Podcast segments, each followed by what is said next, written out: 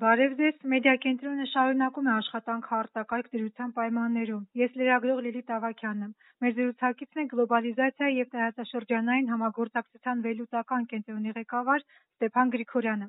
Պարոն Գրիգորյան, նախ շնորհակալ եմ հարցազրույցի հրավերը ընդունելու համար։ Սկսենք վերջին լուրերից։ ԱՄՆ Հայաստանից զատ միակ պետությունն էր, որ ուղիղ ֆինանսական օգնություն էր տրամադրում Արցախին առանց ճանաչելու այդ պետության անկախությունը։ Մարտի 21-ին հայտնի դարձավ, որ Միացյալ Նահանգները դադարեցրել է Արցախին տրվելիք ուղիղ օգնությունը։ Քաղաքագետ Սուրեն Սարգսյանը իր Facebook-յան էջում մտավախություն էր հայտնել, որ Արցախին տրամադրվող օգնությունը կարող է փոխակերպվել բնակչությանը խաղաղության նախապատրաստման ծրագրով։ Նման զարգացում տեսնում եք, պարոն Գրիգորյան, համեցեք։ Բարև ձեզ։ Նու նախ ուզում եմ ասել, որ վաղուց է մենք Միացյալ Նահանգների հետ ռեալ լուրջ օրակարգ չունենք Դա տարբեր պատճառներով դա կատարվեց, բայց կարևորագույն պատճառներից մեկը նա էր, որ Հայաստանը Սիրիա ուղարկեց փոքր հումանիտար զորախումբ գիտեք ինչու միացյալ նահանգները շատ ցավոտ դա անցալեցին, քանի որ դու գիտեք, որ նույն Սիրիայում, ասենք միացյալ նահանգները բավական լուրջ տարաձայնություն ունեին Ռուսաստանի հետ, Ռուսաստանի մոտեցումների հետ ու ակնհայտ էր, որ եթե մենք ուղարկում ենք նույնիսկ փոքր զորախումբ, նույնիսկ հումանիտար, բայց ուղարկում ենք ռուսական այդ զորախմբի շրջանակներում ակնհայտ է ամերիկացիք շատ ցավոտ կոնցուդեին։ Այդ կոնտեքստով པարզ է, որ ել ավելի մեր մոտեցումները միացյալ նահանգների հետ մի շարք կարևորագույն Միացյալ Նահանգների համար հարցերում տարբերվում էին էականորեն ու դա է պատճառը իմ կարծիքով որ նաև այդ թվում իրանք այդ աջակցությունը դադարեցրեցին։ Նու ատրանաբանական չէր լինի աջակցել Հայաստանին, Արցախին ռազմական հարցերում, ի վերջո ակադազերծումը դա ռազմական ոլորտի հարց է, աջակցել միջդեռ մենք նույն ռազմական ոլորտում, ասենք Ռուսաստանի հետ են։ Ակնհայտ է, որ դա հասկանալի է, ինչու իրանք արեցին, ցավում են, որ արեցին իրանք դա, բայց ինձ համար բավական հասկանալի է։ Իսկ ահա բնակչությանը խաղաղության նախապատրաստման ծրագրով փոխակերպել այդ օգնությունը նման բանավորական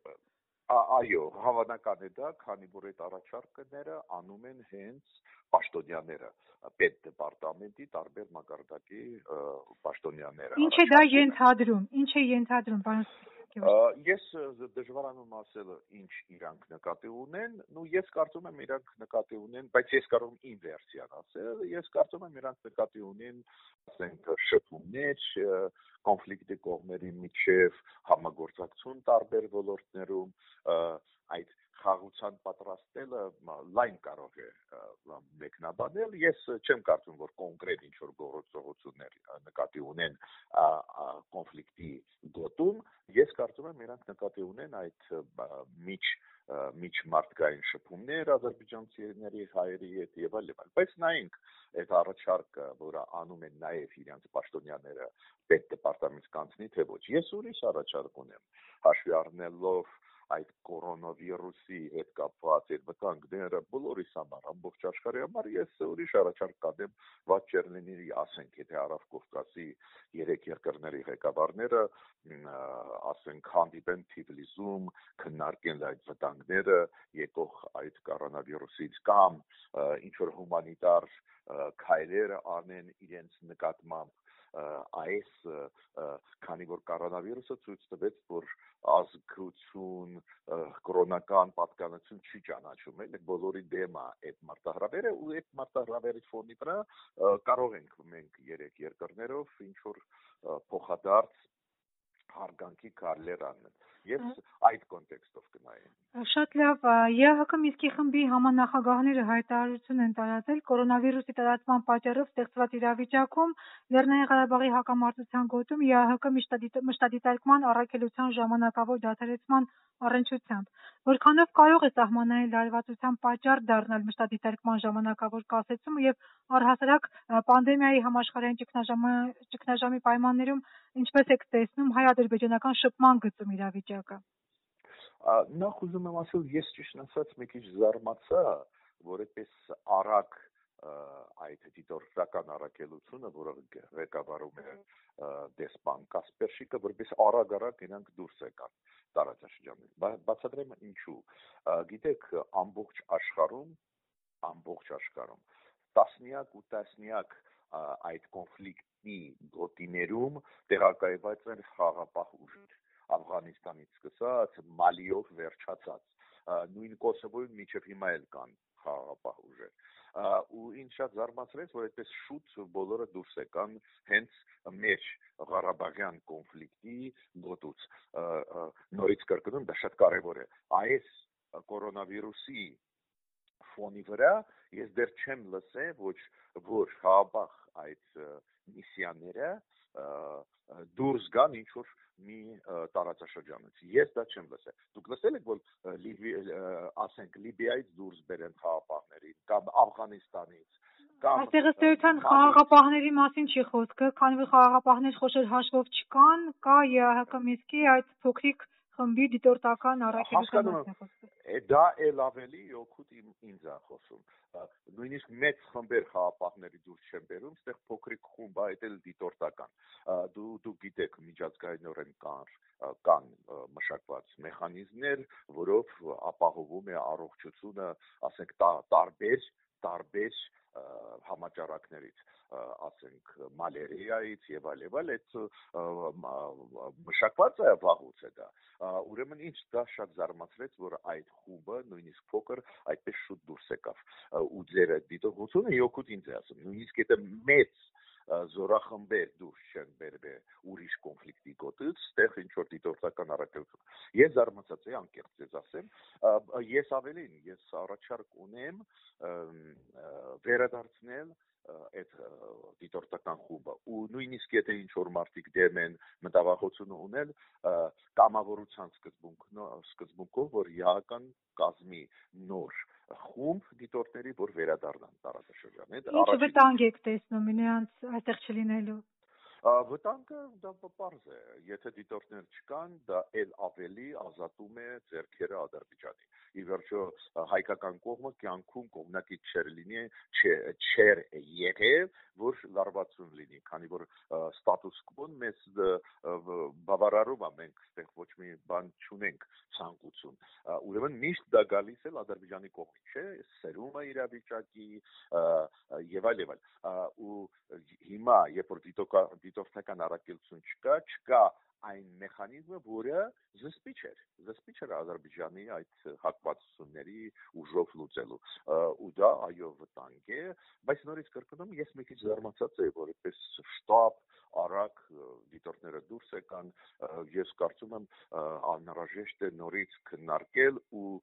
նույնիսկ վերադարձնել այդ առաքելությունը դիտորդական, բայց կամավորների միջոցով, եթե չկա, եթե այս կոնկրետ դեմքերը, ասենք մտավախություն ունեն, ես համոզված եմ ՀՀԿ-ն կարող է կամավորության սկզբունքներով նոր դիտորդական առաքելություն, то есть նույն դիտորդական առաքելությունը վերականգնել, բայց նոր այլ անձանցով նոր դեմքերով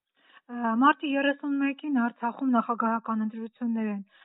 Կար անհրաժեշտություն կորոնավիրուսի տարածման վտանգը հաշվի առնելով հետաձգել այդ ընտրությունները, թե այդուհանդերձ դրանց կայացման քաղաքական արդյունքը ավելի կարևոր է, քան վիրուսի հնարավոր տարածումը։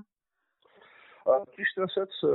վաղուց է կան եւ քաղաքական ուժեր եւ փորձագետներ, ովքեր այդ մտավախությունը ասել են, որ միգուցե իմաստ ունի հետաձգել, օրինակ 2-3 ամսով, բայց քանի որ ես տեսնում եմ, որ կա քաղաքական որոշում անցկացնել,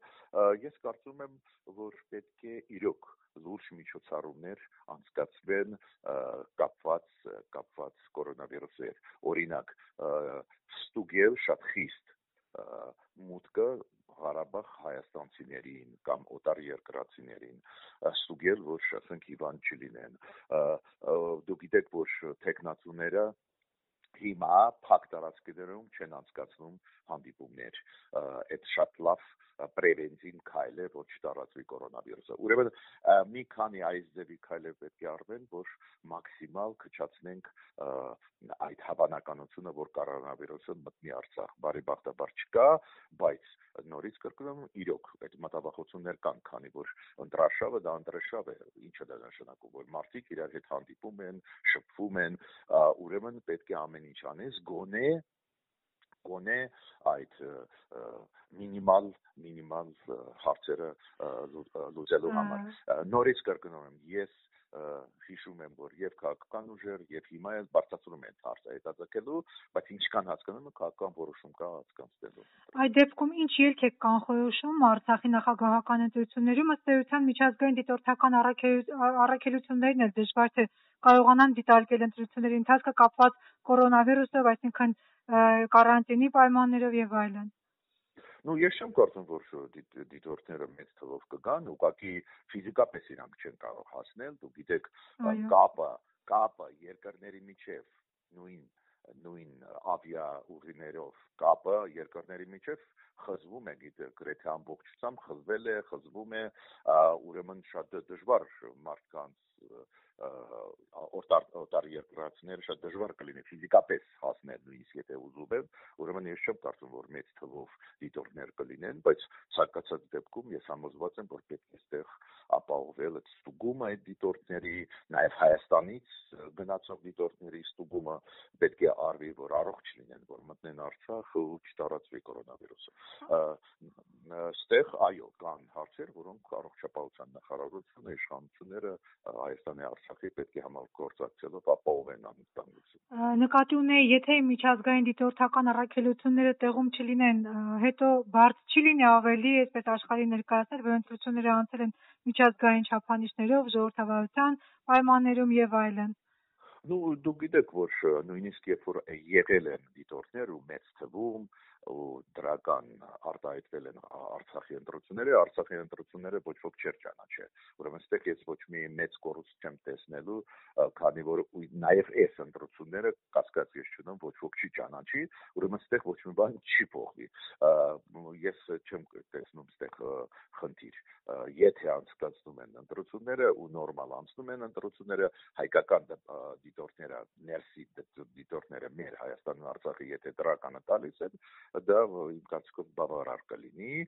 քանի որ նորից կրկնում եմ, նախկինում էլ երբ որ արտասահմանից լիքը դիտորդներ կային, չէին ճանաչում, որ մստեղ ես մեծ խնդիր չեմ տեսնում։ Պարոն Գրիգորյան, շնորհակալ եմ մեր հարցերին պատասխանելու համար։ Հարգելի ունկնդիրներ հիշեցնեմ, որ մեր զրուցակիցներ գլոբալիզացիայի եւ տարածաշրջանային համագործակցության վերլուծական կենտրոնի ղեկավար Ստեփան Գրիգորյանը, եւս մեկ անգամ շնորհակալություն, հաջողություն բոլորին։